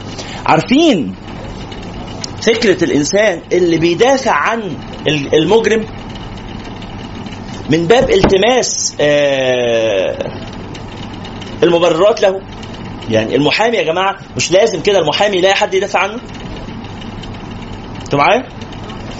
فبيقول أنا مضطر ده, ده هو ده ده, ده في في بعض الصوفية وصل بيهم ال- الموضوع لدرجة إن هم بيدافعوا عن فرعون وبيقولوا إن فرعون ده كان آه، رجل صالح. بل والشيطان نفسه ما فعل ما تمرد على الله إلا من باب المحبة. هو الشيطان تمرد ليه؟ لما حس بالغيرة لما حس ان ربنا هيحب آدم أكتر منه فقال لا يا رب أنا بحبك أكتر حاجة فحبني أكتر منه. فلما ربنا سبحانه وتعالى أحب آدم أكتر من حبه للشيطان فقال الشيطان كفر. فهو في الحقيقة الشيطان هيدخل الجنة والشيطان ده صالح. إيه؟ أيوه لأنه أنتوا أنتوا فاهمين المعنى ده؟ يعني هو هو الشيطان ما الذي أغضبه من الله؟ إيه؟ مين اللي هيدخل النار؟ هو هو آه بالكلام ده كلنا هندخل النار. لا هي المفاجأة بقى المفاجأة إن مفيش حاجة اسمها نار أصلا. مفيش حاجة اسمها نار.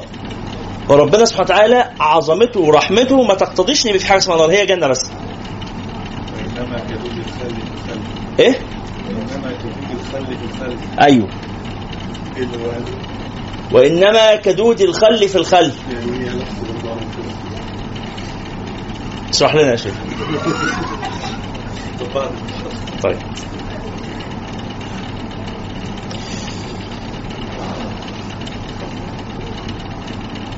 يعني التوهيمات أو التخويفات أو ال ال ال المعاني دي التي يظهر منها معنى مستقبح هي في الحقيقة ليست كذلك. هي حقيقتها الخير والمنفعة. فالنار ربنا بيخوفنا بيها بس. والنار معناها في الحقيقة مش العذاب الجسماني إنما ال- ال- الإبعاد عن درجة القرب والمحبة العالية.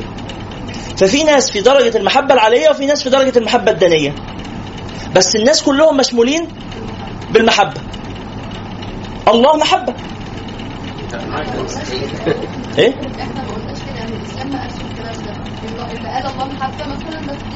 ما أعرفش بقى الكلام اللي انت إيه الفرق أصلا بين الإسلام والنصرانية؟ ما هو ما إحنا لسه بنقول هم حاجة واحدة.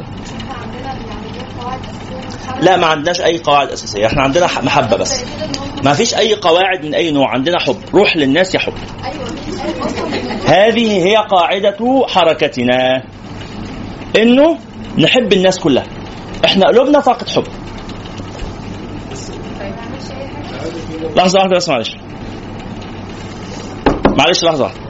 طيب وهؤلاء الذين يفعلون ال- ال- الموبقات والسيئات قال لك إيه؟ انظروا إليهم نظرة العطف ونظره الشفقة ونظرة الرحمة. طبعا ال- ال- ال- الموقف ده في ناس كمان عبدت الشيطان لأنه ثائر. دي قصة تانية. المجد للشيطان من قال لا في وجه من قالوا نعم. المجد للشيطان ده ده واحد ثائر. قدر يقول لا. الناس كلهم قطيع استجابوا وقالوا نعم. وافقوا وسجدوا إلا هو ثائر فتقديس معنى الثورة وعبادة الإيه؟ الشيطان لأنه الم- المجد للشيطان أمل دنكم المجد للشيطان من قال لا في وجه من قالوا نعم. أنا حاسس مبنى هينهار بينا دلوقتي وهيتخسف بينا الأرض. مش قادر تستحمل. حاضر. ف... فدي درجات مختلفة. ف... فهنا الكلام بتاع إيه؟ لقد صار قلبي قابلا كل صورة. هو بيحاول يقول إنه أنا أصبحت لا أرى فعل هذه هؤلاء الفاعلين. أنا ما بنظرش إلى الأشباح والأجسام أنا بنظر إلى ما وراء ذلك الأرواح. هو هذا الذي يعبد البقرة أو يعبد ال- ال- الحجر أو يعبد النهر أو إلى آخره. هو مؤمن بفكرة جليلة اسمها إيه؟ إن في إله وإن في خالق. فاهمين المعنى؟ وطالما ان هو مؤمن بهذه الفكرة بس هو بس غلط غلط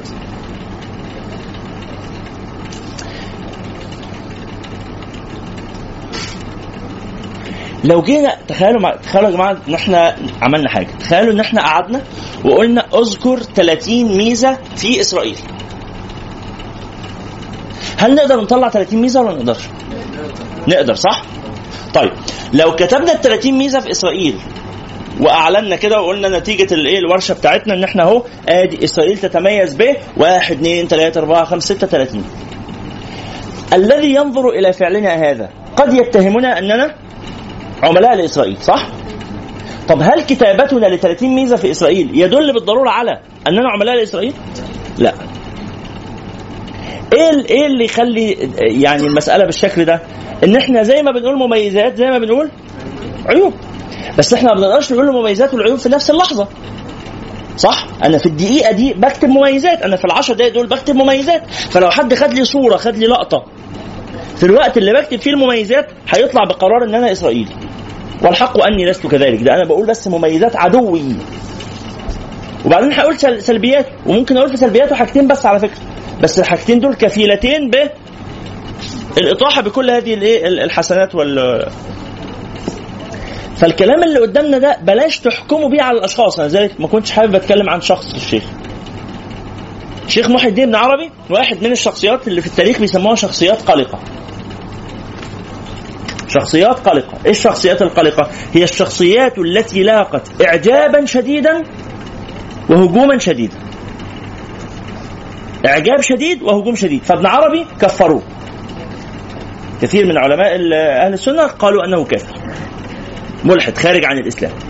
زنديق. إيه؟ لا لا الجنيد متقدم عنه خالص. الجنيد في القرن الثاني لا لا مش مش علاقة ببعض. فابن عربي قيل عنه إيه؟ كافر. وفي نفس الوقت أحبابه وأتباعه يسمونه الشيخ الأكبر والكبريت الأحمر. الشيخ الأكبر إيه اسمه كده لقبه كده.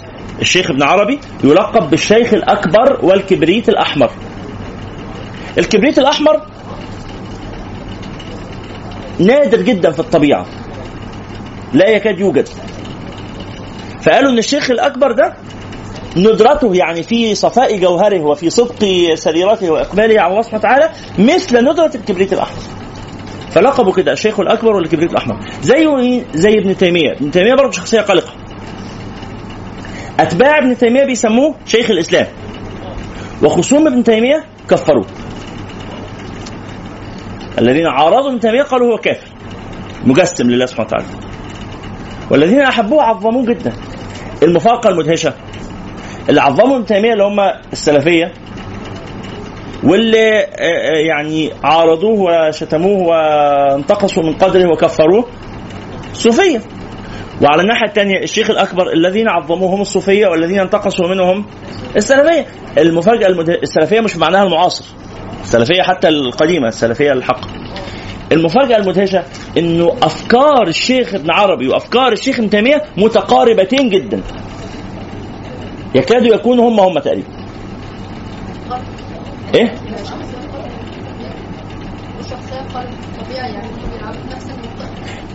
بس كمان نتائجهم متطابقة تقريبا. في مواضع كثيرة في في في تشابهات كثيرة بس الفرق بينهم أسلوب التعبير. ابن تيمية بيعبر بأسلوب يعني موغل في في الشكلانية.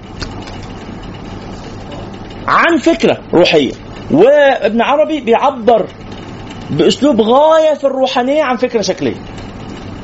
فلما نترجم كلام ابن عربي الروحاني إلى شكلاني أو نترجم كلام ابن تيمية الشكلاني إلى روحاني نلاقيها هي هي. فرق اللغة بس فرق أسلوب التعبير.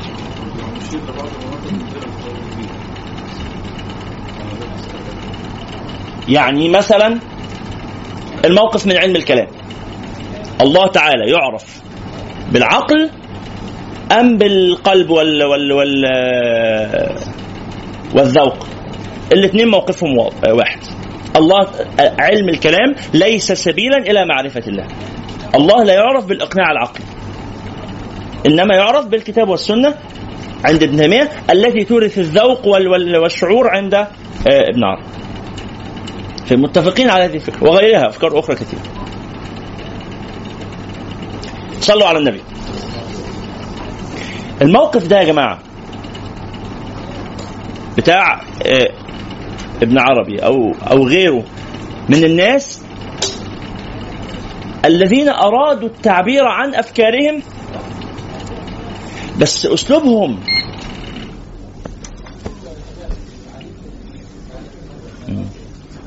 أسلوبهم في التعبير حصل لهم إيه؟ خانهم اللفظ خانهم خانتهم الألفاظ اللي هو ابن عربي وأشباهه فاكرين الراجل اللي اتكلمنا عنه الذي وضع الدرهم تحت قدمه؟ وقال معبودكم تحت قدمي؟ إيه؟ أه؟ لا مش ابن الفار. ده كان آه، الحلاج. أيوه الحلاج. خلاص. معبودكم تحت قدمي. هو بيعمل إيه هنا؟ هو بي- بيلعب بالألفاظ. بيتلاعب بالألفاظ عشان يحاول يوصل مجموعة من الأفكار. بس نرجع تاني. بقى عندنا توجهين صوفيين. توجه صوفي مجاهد وتوجه صوفي عميل. عميل ده مش بالضرورة يبقى قاصد يبقى عميل. هو بس بيعمل إيه؟ بيفرغ الدين من مضمونه. أقول لكم على مفاجأة مدهشة. مولد السيد البدوي في مصر. كل سنة لازم بيحضروا السفير الأمريكي. طب هو السفير الأمريكي بدوي الطريقة يعني؟ يعني هو راجل يسلك إلى الله سبحانه وتعالى على طريق سيدي أحمد البدوي. حمراء آه بالظبط أيوه مظبوط.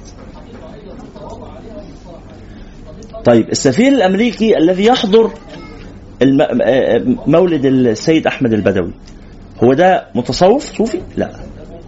إنما في توجه عالمي لدعم التصوف. توجه عالمي لدعم التصوف وتغذيته ود... و... و... وإمداده بال... ب... بكل ما يحتاج إليه زي مثلا مثلا هو هم ليه بيدعموا التصوف؟ لأنهم والكلام ده يعني إن شئتم راجعوا تقرير مؤسسة راند لشبكات الإسلام المعتدل. هو بيدعموا إسلام مدام صابرين أيوه الله يفتح عليك إسلام مدام صابرين. لا ده حالة ولا ده؟ بالظبط هو ده. هقول اهو هشرح. في حاجة اسمها في مؤسسة أمريكية آه، اسمها مؤسسة راند أصدرت تقرير عن شبكات الإسلام المعتدل. قسموا المسلمين إلى مسلمين معتدلين ومسلمين متطرفين. المسلمين المعتدلين دول اللي هم يمكن التعاون معهم والتفاوض معهم ويعني إيه بيقدموا نسخة لايت من الإسلام. نسخة لا تتعارض مع المصالح الأمريكية. نسخة قائمة على الدين البروتستانتي. إيه إيه إيه كنيستك جواك. أنت بتعبد ربنا جوه قلبك. أنت بت نموذج نموذج المسلم الناجح بمعايير السوق. بمعايير الرأسمالية انت شغال انت مسلم بس درست في مدارس international وبتشتغل في شركة international وساكن في compound وبتعلم عيالك انجليزي وبتاكل في ماكدونالدز وبتلبس brand ات أمريكية وحياتك كلها وبتصلي وبتصوم وبتروح الكنيسة يعني عادي. ودايما بتقول سمايل اتس سنه آه smile it's سنة خلاص. في notebook كده مكتوب عليها my جنة to do list موجودة بره كده. تشيلها الله لا خليها. لا خل- نشيلها ليه عاملة لي أزمة. لا لا خليها. لا. حلوة دي. أنا لسه كاتب عنها دلوقتي والله. بجد؟ طيب ماشي. مكتوب عليها إيه؟ my جنة to do list my جنة to do list تبقى رايح الجنة وانت شيك أيوه بالظبط. ولابس الكرافته بتاعتي ومتهندم. أنا ماليش دعوة بالبتاع اللي بره دي لا تمثلني على فكرة. روح اتخانق معاهم. أنا مش أنا مش مسؤول عنك. أنت بره قدامك أهو. أنا مسؤول يعني بس مش ما بقراش الكلام اللي بيتعرض ده. business business is business بالظبط. اللي تكسبه العبد. ها؟ أي مكان. الشاهد يا جماعة تقديم نموذج جديد للإسلام اللي هو هل هل أمريكا عندها مشكلة مع الإسلام؟ في الحقيقة؟ في الحقيقة؟ لا الإسلام ال- طالما إن هو مقلم الأظافر وليست له أنياب وكده لا. إسلام بلا جهاد. إسلام بلا جهاد. كان الأستاذ سيد قطب رحمه الله كان كاتب مقال اسمه الإسلام الأمريكاني. وعبر عن المعنى اللي بنتكلم فيه طبعا إيه حتى يعني كان في ملاحظات فعلا على توجه سيد قطب أو أو أفكاره أو كده هي ملاحظات حقيقية يعني. هو الرجل منهجه منهج في كثير من الخروج عن آه، طريقة أهل العلم في فهم النصوص القرآنية. ولكن المقال ده هو مفكر في النهاية بيحاول يعبر عن أفكاره بشكل أدبي. فالمقال ده مقال آه، فارق جدا. الإسلام الأمريكاني. اللي هو هم ما عندهمش مشكلة مع نموذج الإسلام. أنت في أمريكا لو عايز تعبد أي حاجة لو عملت معبد لعباده البرتقال يعني ما حدش هيقول لك حاجة. اعبد البرتقال عصير أو حب يعني زي ما أنت عايز. ما عندهمش إيه يعني مشاكل معاك. خلاص؟ بس طول ما انت مؤمن بالقيم الأمريكية. طب يا جماعة بس القيم الأمريكية دي فيها حاجات تتعارض مع أصل ديني. لا هنا هنا مش هينفع. هنا مش هتكون مقبول. وأنا أحلت من قبل كثيرا على كتاب حروب الإبادة الثقافية بتاع منير العكش. حروب الإبادة الثقافية لمنير العكش طبعا ضياء الدين الرئيس. حروب الإبادة الثقافية. ضياء الدين الرئيس. أظن يكون متوفر بي دي إف. حروب الإبادة الثقافية حرب كنعان الاخيره على الأقل اقروا المقدمة. يعني الكتاب الكتاب مش مش موضوعنا يعني مش متعلق بموضوعنا. يتكلم عن الإبادة التي أبادها ال- الأوروبيين للهنود الحمر أو من سموهم هنودا حمرا وكان لم يكونوا هنودا ولا حمرا. ولكن هم سموهم كده وأبادوهم. ففي قصص ومجازر وحشية يعني. الكتاب موثقة ممكن أو يعني نقل عن المصادر فراجعوه لكن وده مش موضوعنا بس اللي موضوعنا هو مقدمة الكتاب. كيف أنك إذا قبلت القيم الأمريكية أنت مرحب بك إذا كان احتجت أنك يكون عندك خصوصية ثقافية آه، غير متماشية مع توجه الأمريكي العام أنت ستسحق من غير يعني ذرة رحمة.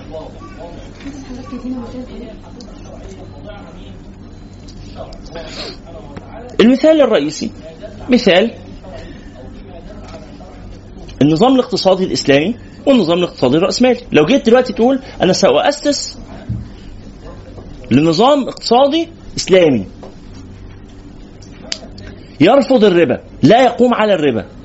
لا يقوم على آه، آه، آه، البنكنوت الحديثة دي ال- الأوراق التي لا قيمة لها ونحن نعمل لها قيمة من البنك المركزي. تبقى قيمة وهمية.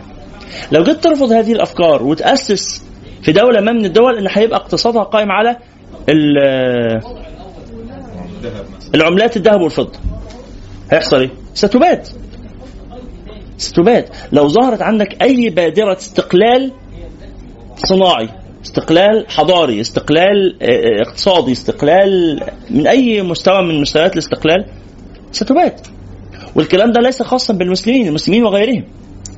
الأمم مثلا ال- اليابان الساموراي الأخير شاف الفيلم. خلاص. ال- النموذج الثقافة اليابانية والطريقة اليابانية. أمريكا لن تقبل بهذا وستبيد كل من يحاول الحفاظ على الثقافة اليابانية. لابد أن يكون المجتمع الياباني مجتمع أمريكي وقد كان. وقد كان وأصبح اليابان أنا يعني ذهبت إلى هناك ودرت في الولايات المختلفة اليابانية. مجتمع آه، أوروبي. شكل طوكيو. طبعا ال- القرى لسه فيها بقايا من أنماطهم الخاصة لكن الشائع لا خلاص تجاوزوا هذه المرحلة. فالشاهد الذي نريد قوله الله على النبي صلى الله عليه وسلم هل تخشى أمريكا مثلا زي ما حصل مع المغول ان يزيد هنا هنا آه هنا بقى عندنا يعني يعني إيه؟ بشرى من الله سبحانه وتعالى أن الله سبحانه وتعالى قال إن الذين ينفقون أموالهم ليصدوا عن سبيل الله فسينفقونها ثم تكون عليهم حسرة ثم يغلبون والذين كفروا إلى جهنم يحشرون. عندنا بشارة. من الله سبحانه وتعالى أنهم يعني كل هذا الإنفاق الذي ينفقونه وهذا الدعم الذي يوجهونه خلاص من أجل دعم توجه معين للإسلام من وجهة نظرهم وهم شايفين آه، إن النموذج ده يعني نموذج آه، آه، لايت أو أو متصالح أو يمكن آه، التجاوب معاه ربما ينقلب هذا النموذج عليهم لأنه في الآخر الأمور آه، يعني الله سبحانه وتعالى هو التي يجريها في الكون. فيحصل النموذج اللي الأستاذنا بيشير إليه اللي هو ال ال يزيد عدد المسلمين وقوتهم ومركزهم ال ال الاقتصادي وال- والثقافي والبشري يعني يوصل لمستوى معين مع يجي لهم حد يذكرهم بالقيم الإسلامية التي ينبغي أن يكونوا عليها معنى الولاء والبراء معنى آه، آه، آه، الحاكمية لله سبحانه وتعالى وحده لا شريك له معنى اتباع الله ورسوله وعدم الانسحاق في النماذج الثقافية الأخرى. ربما يأتي أحد ينبههم بهذا فيعني تنضبط الكفه ربما. ولكن الشاهد الخلاصة دلوقتي أننا في هذا الزمان أمام نموذجين للتصوف. أننا أمام نموذجين للتصوف نموذج إلى هذه إلى هذه اللحظة نموذج للتصوف الذي يحاول التمسك بالقيم وإعادة الناس إلى القيم وإحياء القيم في نفوس الناس ونموذج آخر لتصوف وهو النموذج الآخر ده هو الذي يعني؟ يكتب له الشيوع والانتشار والرواج اللي هو يحول التصوف إلى إيه؟ إلى مجرد ممارسات طقوسية شعائرية شكلية زي ما بيعملوا الجماعة إيه، إيه، يعملوا حضارات ويعملوا موالد ويبقى دلوقتي بقت موضة بقوا يعملوها في ال إيه؟ لا هنا في مصر كمان يعملوها في. في الأوبرا ويعملوها في. في الحفلات بترسائل الصاوي ونحو ذلك لا آه يعملوا مولوية ويعملوا آه آه بتاع ده ناي صوفي و- أو آه، موسيقى صوفية وغناء صوفي. واناشيد وبتاع طيب هؤلاء الذين يحضرون هذه المجالس الصوفية و ويتعلقون بهذه المعاني هم قائمين بمعنى الصدق اللي هو أن الدين أن دين الله سبحانه وتعالى يشتمل على محاور مختلفة عقيدة وفقه وتزكية إن في أحكام شرعية يجب الالتزام بها على مستوى الأفكار والأفعال والمشاعر. هل هم منتبهون إلى كل هذا؟ أبدا ولا يشغلهم ولا يعنيهم. هم رايحين عشان يقضوا وقت ظريف ويعيشوا حالة حب. كأنه رايحين السينما يعني. فتحولت. فاهمين المعنى يا؟ بدل ما هي الحضرة إحنا بنروح نذكر الله سبحانه وتعالى عشان ناخد طاقة روحية نخرج بيها. نشتغل في الأرض نعمر الأرض نزكي أنفسنا نقوم الليل نقرأ القرآن نذكر الله. بدل ما هي كده بقت حالة من حالات الإيه؟ التسكين العاطفي.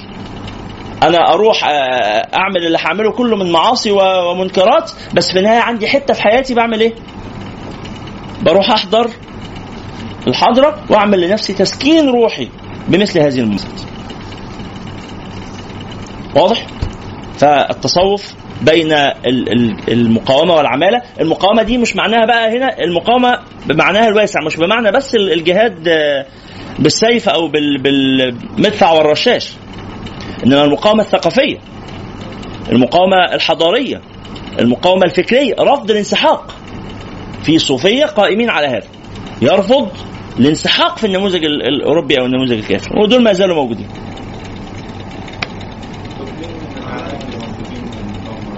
الشيخ البوطي رحمه الله. الشيخ البوطي رحمه الله نموذج من هذه النماذج. والله أعلم.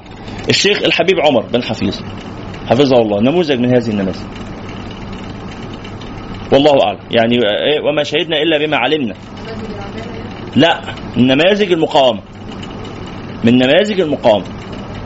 إن هو يرفض و- وراجع كتب الشيخ. في الرد على المادية الجدلية في الرد على يعني آه، كبار العلمانيين وال- وال- والمخربين والمفسدين في رفض مشروعات القانون التي كان يراد لها أن تمرر ضد الشريعة وضد آه، الإسلام. وطبعا والشيخ الشعراوي رحمه الله. ده إحنا بنتكلم على نماذج في صوفية معاصرة تقاوم العمالة تقاوم ال ال ال تقاوم استعمار أفكار المسلمين و وتصوراتهم ودينهم. يعني ربما. ربما منهم الشيخ الجفري نعم. رب... ده سبب إيه؟ قتله؟ قتل مين؟ الشيخ البوطي؟ آه رحمه الله. لا الله أعلم. سبب قتله إيه؟ الله أعلم. سبب قتله إيه؟ الله أعلم. ما حد شاف. التصوف الانسحابي هو التصوف العميل. اللي هو لو هنقول له نموذج آه، في مصر فهيبقى أغلب الطرق الصوفية. أغلب مش كله طبعا أغلب الطرق الصوفية في مصر هي من هذا النوع من التصوف. اللي هو التصوف اللي ما يعرفش أي حاجة عن أي حاجة. إيه؟ تغييب.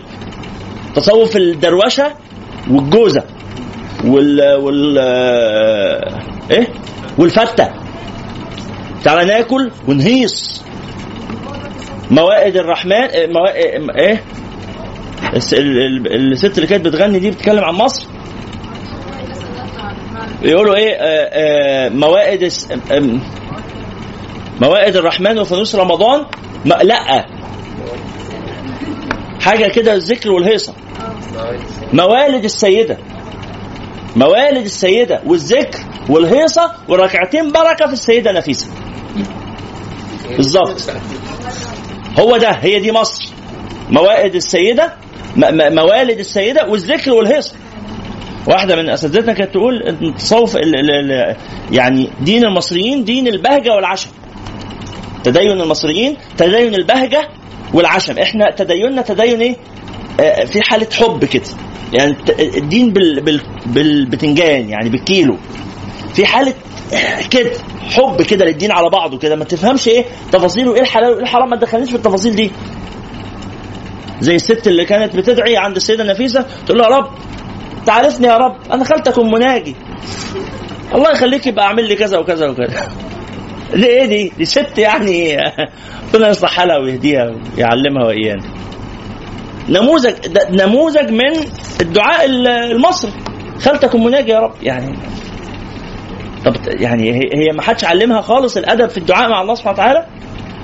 ما حدش علمها لا ما حدش علمها بس هي متدينة هي بتحب ربنا. بس عندها جهل. فنلاقي إنه أغلب الطرق الصوفية الآن أتباع أتباع الطرق الصوفية للمعاصرين. إحنا اتكلمنا قبل كده لما اتكلمنا عن التصوف والبدع. أتباع الطرق الصوفية أغلبهم جهلة.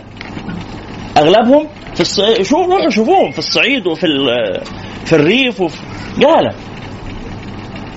ما علموا شيئا من كتاب الله ولا من سنة رسول الله صلى الله عليه وسلم بس هم متعلقين بإيه؟ كرامات سيدنا الشيخ. بس كده هذا حظهم من التصوف مش جهاد النفس وتربية النفس واستقامة النفس على الأخلاق الحسنة وترك الأخلاق الأخلاق الوضيعة ما عندوش الكلام ده. تاني أنا بقول الأغلب إلا قليلا. خلاص لا نعمم الحكم على الجميع. نعم. حضرتك قلت ان بيروح المحاضرة ويسأل السؤال هو أصلا اللي بيروح هو ده نعمل شغل ده إيه؟ شغله؟ مش فاهم يعني شغله انه مغني يعني بيروح يغني هناك؟ لا مثلا بيتعلم مقامات موسيقية المفروض ما فيش مانع ما فيش مانع. يا إخوانا الحاجات دي كلها من باب المباحات.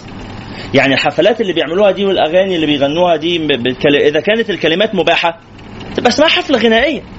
أنا مش معترض على إنها تبقى حفلة غنائية لو إنها كلمات مباحة. طبعا هيبقى عندنا حكم الموسيقى الموسيقى حرام على مذهب جمهور الفقهاء لكن في بعض الناس قال بالإباحة. فيعني غاية ما في الأمر إيه؟ موسيقى. قال بعضهم بالإباحة مع كلمات مباحة. خلاص خلصنا. لكن ما تسميش بقى ما تقولش إن هو ده تصوف يعني لا لا تقل انه تزكية النفس وتعميرها بالأخلاق الحسنة وترك وترك الأخلاق ال- ال- ال- ال- الردية والوضيعة تحولت إلى أغنية. غني واللي عايز يغني يغني واللي عايز يرقص يرقص. لو في استقامة يعني على منهج الشرع لو في التزام يعني بالإيه من باب إنها مباحات عادات اجتماعية. بيقفوا. إحنا كنا أظن اتكلمنا عن الرقص قبل كده. مش كده؟ آه رقص التنورة ال- السمسمية والرقصات اللي بيعملوها الشباب مع وال- والدبكة الشامية والحاجات دي. الشباب الرجالة مع الرجالة والستات مع الستات مفصولين عن بعض. آه والله رقص رقصه اجتماعية عادية. لكن تسمي ده عبادة وتسمي ده دين ويبقى الدين رقص ويبقى الدين طبل ويبقى الدين زمر. لا ده ده تخلف. ده كده ده ابتداع وده كده تضييع للدين. فهمتم الم... فما فيش مانع إنها تبقى اسمها ممارسات آه، اجتماعية. والله عندنا عادة كده أهل بلدنا بيرقصوا. يرقصوا سمسمية يرقصوا دبكة يرقصوا زي ما يرقصوا. عادة اجتماعية. لا تسمي هذا دين ليس هذا هو الدين على كل حال آه،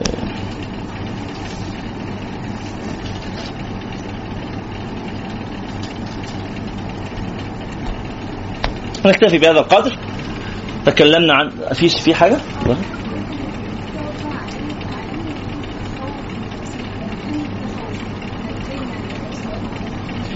في توجه عالمي لخدمة التصوف لأن أعداء الإسلام يدعمون نموذج التصوف الانسحابي اللي هو نموذج التصوف الذي يقول للناس انسحقوا وانهزموا أمام أعدائكم. نموذج التصوف الذي يشغل الناس بالتفاهات ويصرفهم عن معالي الأمور. نموذج التصوف القائم على الأغاني وال- والدروشه مش على تزكية النفس وتعمير الأخلاق هو ده النموذج التصوف المدعوم عالميا بس عفوا هل هل أعداء الإسلام بيدعموا مذاهب أخرى؟ طبعا بالتأكيد. إخواننا آه، بدون شك بدون شك هذه الأمة يراد لها شر من أعدائها وده شيء طبيعي. خلاص وقد يعني سبحان الله يعني يرد دعم لفرقتين متناحرتين من المسلمين من عدو واحد. من باب إن هو العدو يريد أن يقوي هؤلاء وهؤلاء ليه؟ آه لي- ليفتك كل منهم بصاحبه. فهو رفضنا للتصوف الانسحابي مش لأنه مدعوم إنه ممكن ممكن بعض الجهات الأخرى تتلقى دعم من الخارج وارد يعني مثلا ما الدولة الدولة شخصيا الدولة المصرية أو الدول الحكومات خلاص ربما يعني في في إطار بعض الاتفاقات أو كده يرد إليها دعم. مجرد ورود الدعم لا يعني بالضرورة العمالة والخيانة. لكن في كثير من الحالات بل في أغلب الحالات الدعم ده المصريين بيقولوا لحد ما بترميش كتاكيت. في أغلب الحالات هذا الدعم يكون ضد مصالح الأمة لكن ربما في بعض الحالات الاستثنائية يكون هذا الدعم يمكن الاستفادة منه. في الأمور النافعة هل الفكرة دي واضحة؟ وارد بس وارد نادر. وارد نادر. اتفضل. الأمير عبد القادر والله كنا عايزين نتكلم عنه فعلا. وهو جزء من عناصر المحاضرة النهارده بالذات. لكن آه وقتنا ضاع قوي. فالمرة اللي جاية نبدأ اللقاء المرة اللي جاية إن شاء الله بالحديث عن الأمير عبد القادر الجزائري. فده بداية اللقاء اللي جاي أكيد إن شاء الله. اتفضلي. طبعا اتكلمنا على ده قبل كده. الصوفيه نشأت في القرن الث- الثاني والثالث الهجري نعم. لا هم ثمانية؟ وهيقتصروا على سبعة لأن إحنا لغينا المرة اللي فاتت بسبب العواصف والسيول فالأربعاء اللي جاي هو آخر أربعاء قبل رمضان صح؟ آه ف الأربعاء اللي بعديه هيبقى يوم رمضان، رمضان هيبدأ يوم أربع. في النتائج خميس؟ آه سواء كده أو كده في الحالتين هيبقى في صلاة تراويح يعني ف آه. فعلى كل حال إحنا الأربعاء المقبل هو آخر لقاء لنا إن شاء الله. اتفضل. مرة محمد آه آه، يا جماعة النقولات اللي كنا قلناها عن آه، آه، أئمة الفقه في الكلام عن الصوفية. بعض هذه الروايات أو كثير من هذه الروايات لا يصح من ناحية الإسناد. لا يصح من ناحية الإسناد. لكن آه، آه، يصح الموقف ما يصحش النقل ما يصحش النص ده. لكن يصح إن هو كان عنده موقف عدائي وأصبح عنده موقف آه، قابل. مش واضحة دي؟ طب ممكن نبدأ بيها؟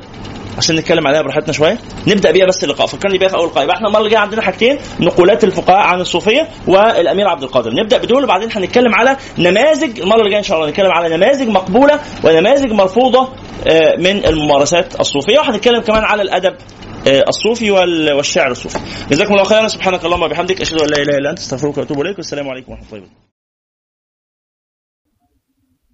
هو الذي بعث في الأميين رسولا منهم يتلو عليهم آياته ويزكيهم ويعلمهم الكتاب والحكمة وإن كانوا من قبل لفي ضلال مبين.